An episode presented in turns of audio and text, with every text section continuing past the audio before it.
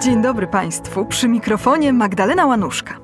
Dziś, w kolejnym odcinku w cyklu Sztuka Powszechnie Nieznana, postanowiłam podzielić się z Państwem kilkoma przemyśleniami na temat jednej konkretnej miniatury ze wspaniałego krakowskiego kodeksu Baltazara Bechema, która to miniatura jest przedmiotem moich aktualnych badań.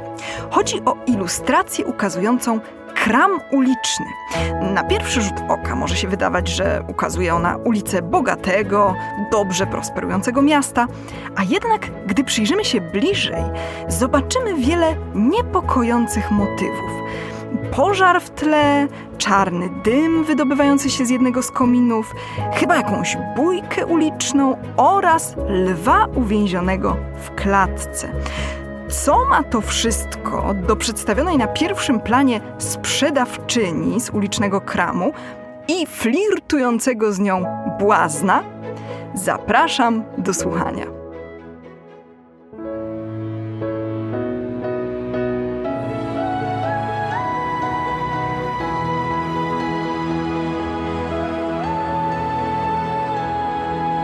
Dziękujemy patronkom i patronom za wsparcie. Dołącz do grona dobroczyńców podcastu Tygodnika Powszechnego w serwisie Patronite.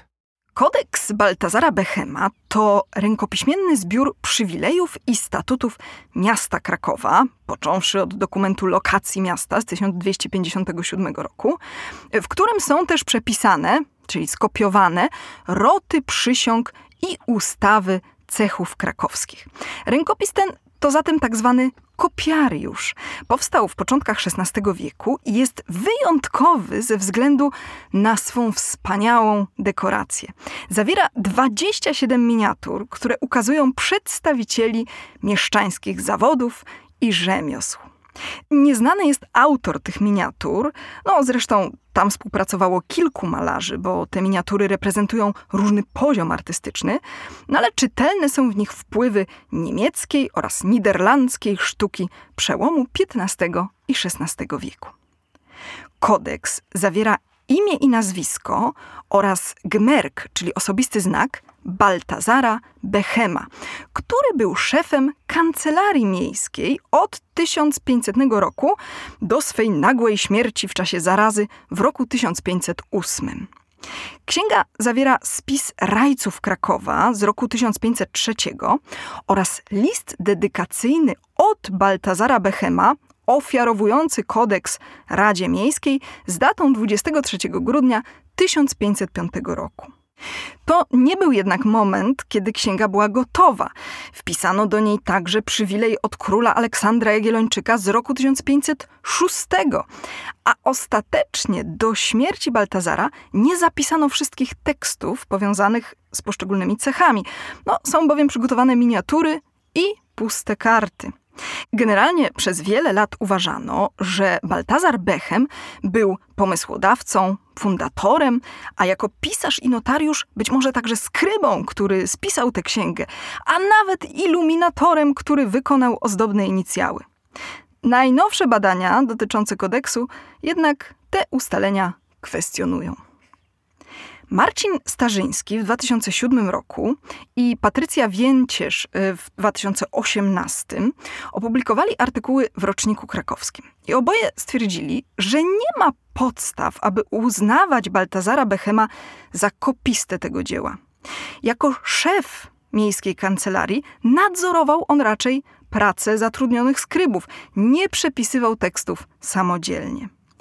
O ile jednak Patrycja Więcierz podtrzymuje hipotezę, że księga powstała z fundacji Bechema, może jako jego prywatna inicjatywa, o tyle Marcin Starzyński twierdzi, że raczej była to fundacja Rady Miejskiej, zrealizowana pod nadzorem Baltazara.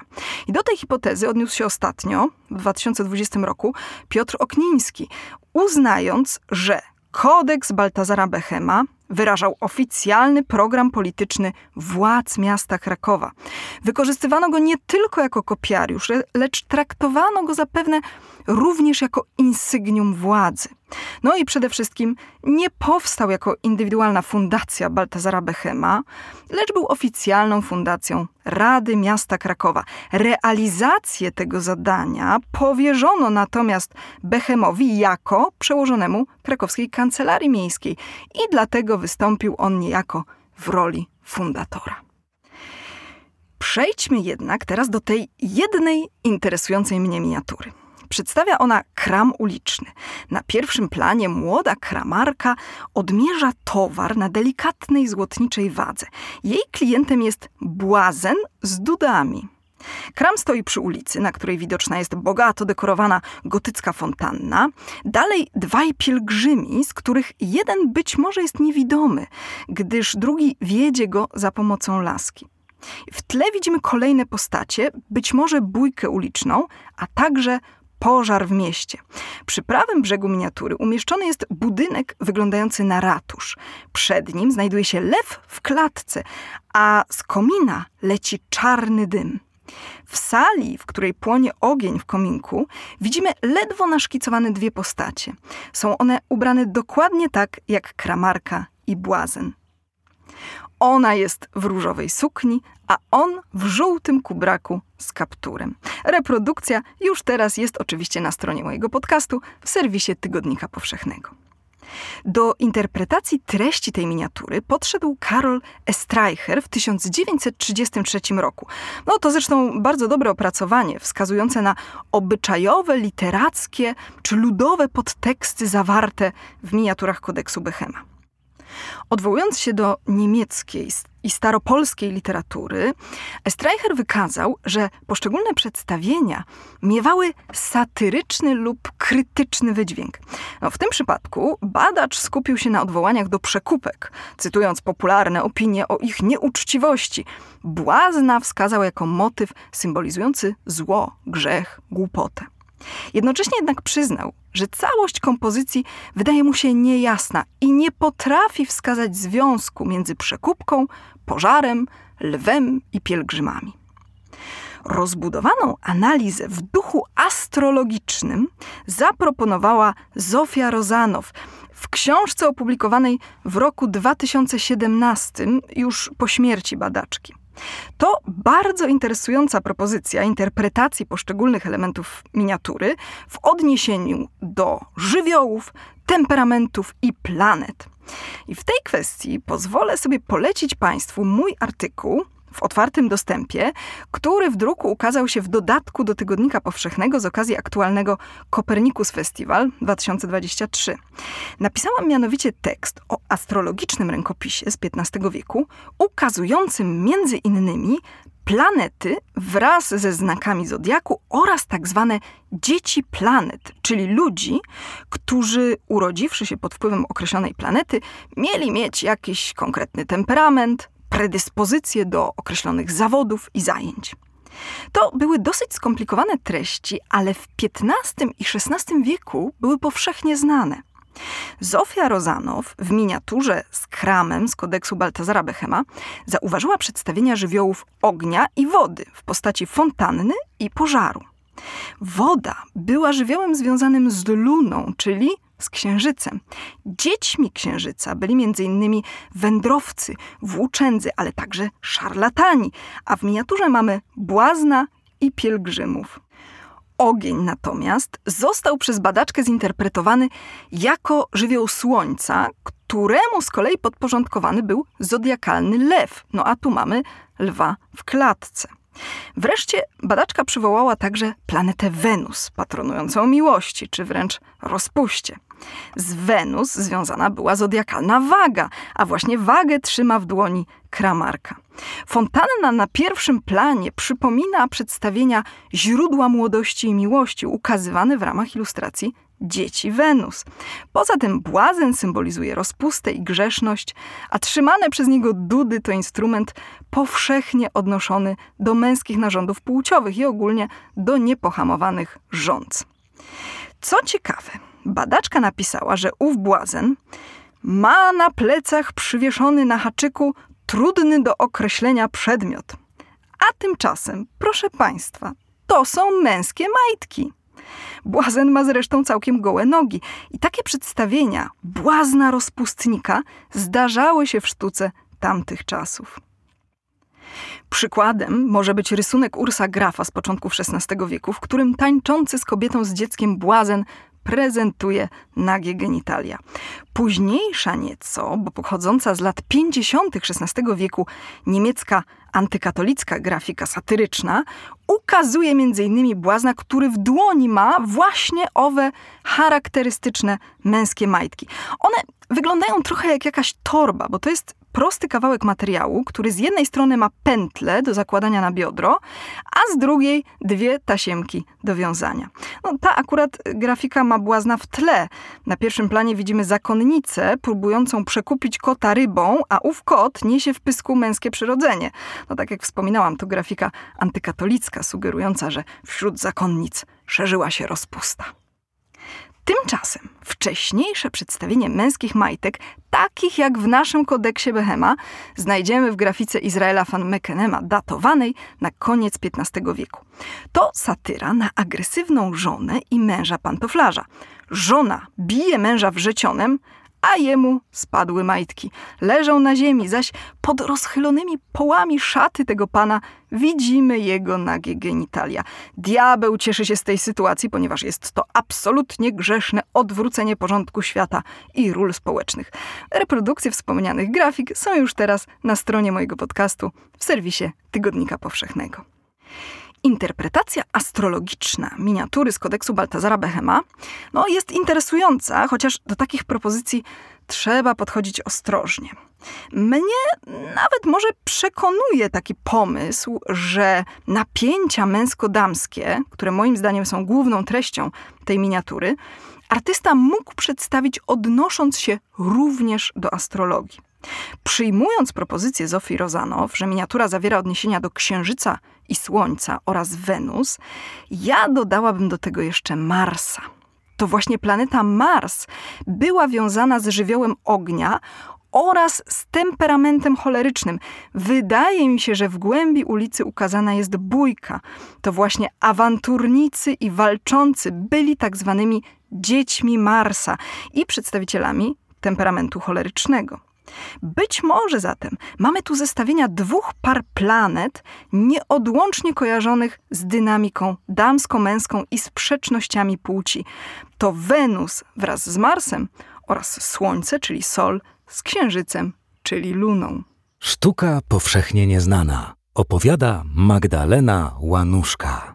W ilustracjach kodeksu Baltazara Bechema jest wiele odniesień do rozmaitych przywar tradycyjnie wiązanych z poszczególnymi rzemiosłami. Akurat w handlu w sposób szczególny były obecne kobiety. Krakowskie kramy pełne były przekupek.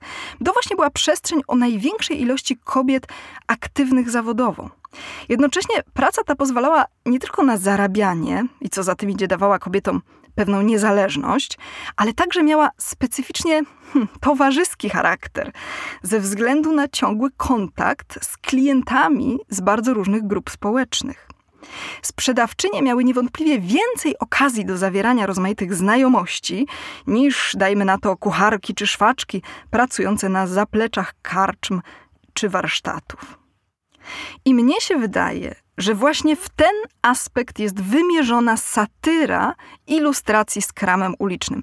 Pani kramarka, chyba mężatka, bo ma zakrytą głowę, korzysta z okazji flirtu z klientem, co przerodzić się może w grzeszny romans. Tak się jakoś składa, że moje skojarzenia odnośnie wszystkich właściwie elementów tej miniatury sprowadzają się do symboliki cudzołóstwa i rozpusty. Błazen, który zdjął majtki i trzyma dudy, no to oczywiście kusiciel, uwodziciel.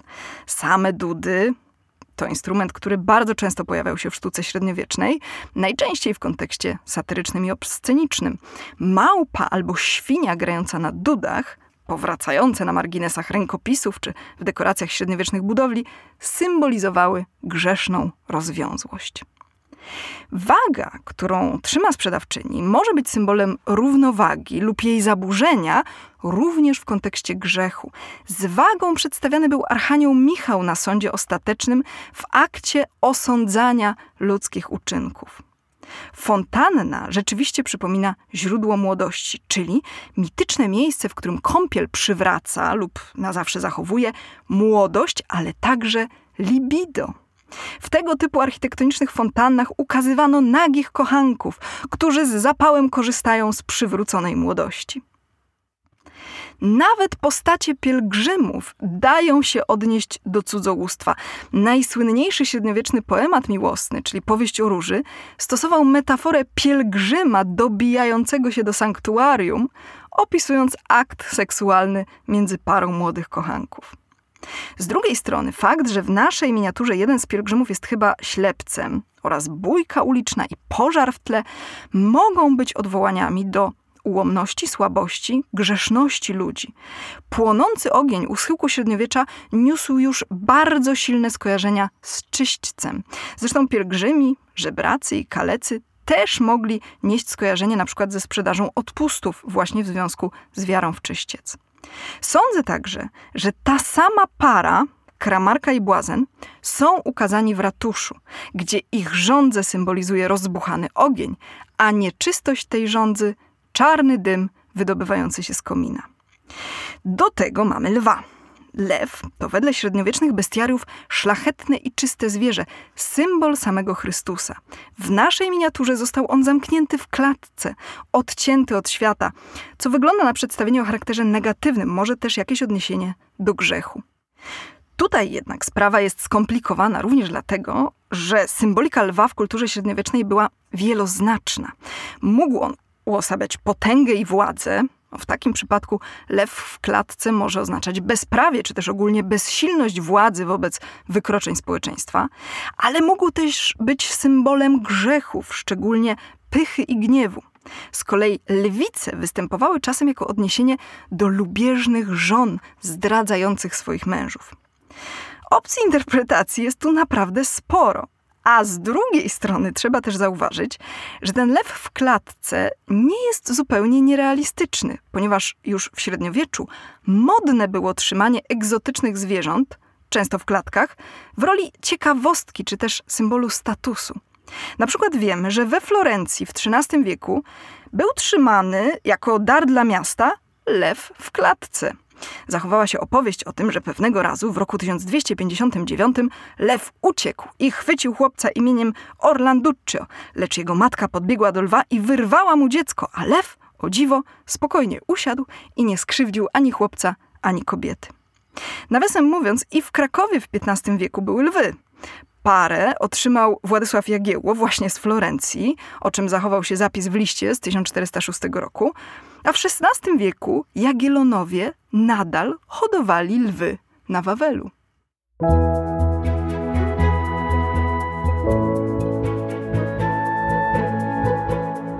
Kodeks Baltazara Bechema to jeden z najbardziej wyjątkowych rękopisów w polskich zbiorach. Fenomenalne dzieło, będące świadectwem bogactwa krakowskiej kultury mieszczańskiej w początkach XVI wieku. Jak Państwo widzicie, nawet analiza jednej tylko miniatury może być źródłem złożonych debat wśród historyków sztuki. Nigdy pewnie nie będziemy mogli jednoznacznie stwierdzić, co artysta miał na myśli, wstawiając w daną kompozycję takie, a nie inne elementy. Może każdy z nich ma symboliczne znaczenie. Może kryje się w nich jakaś historia czytelna dla ówczesnych odbiorców, a dla nas już niezrozumiała. A może to po prostu jednak rodzajowe przedstawienie miasta z pożarem, z dymem z komina. Tak to właśnie jest, że często interpretujemy dawne dzieła sztuki na bardzo różne sposoby i w zasadzie jak się postaramy, to znajdą się argumenty na poparcie każdej hipotezy. Dziękuję Państwu bardzo za wysłuchanie tych moich dzisiejszych rozważań. Szczególnie dziękuję patronom i patronkom podcastu Tygodnika Powszechnego. To dzięki Wam kolejne odcinki mogą powstawać. Pozdrawiam najserdeczniej i do usłyszenia w przyszłym miesiącu. Magdalena Łanuszka. Jeśli słuchają nas Państwo w Spotify albo w Apple Podcast, zasubskrybujcie nasz kanał. Jesteśmy też w Google Podcast i w aplikacji Lekton oraz na www.tygodnikpowszechny.pl/podcast.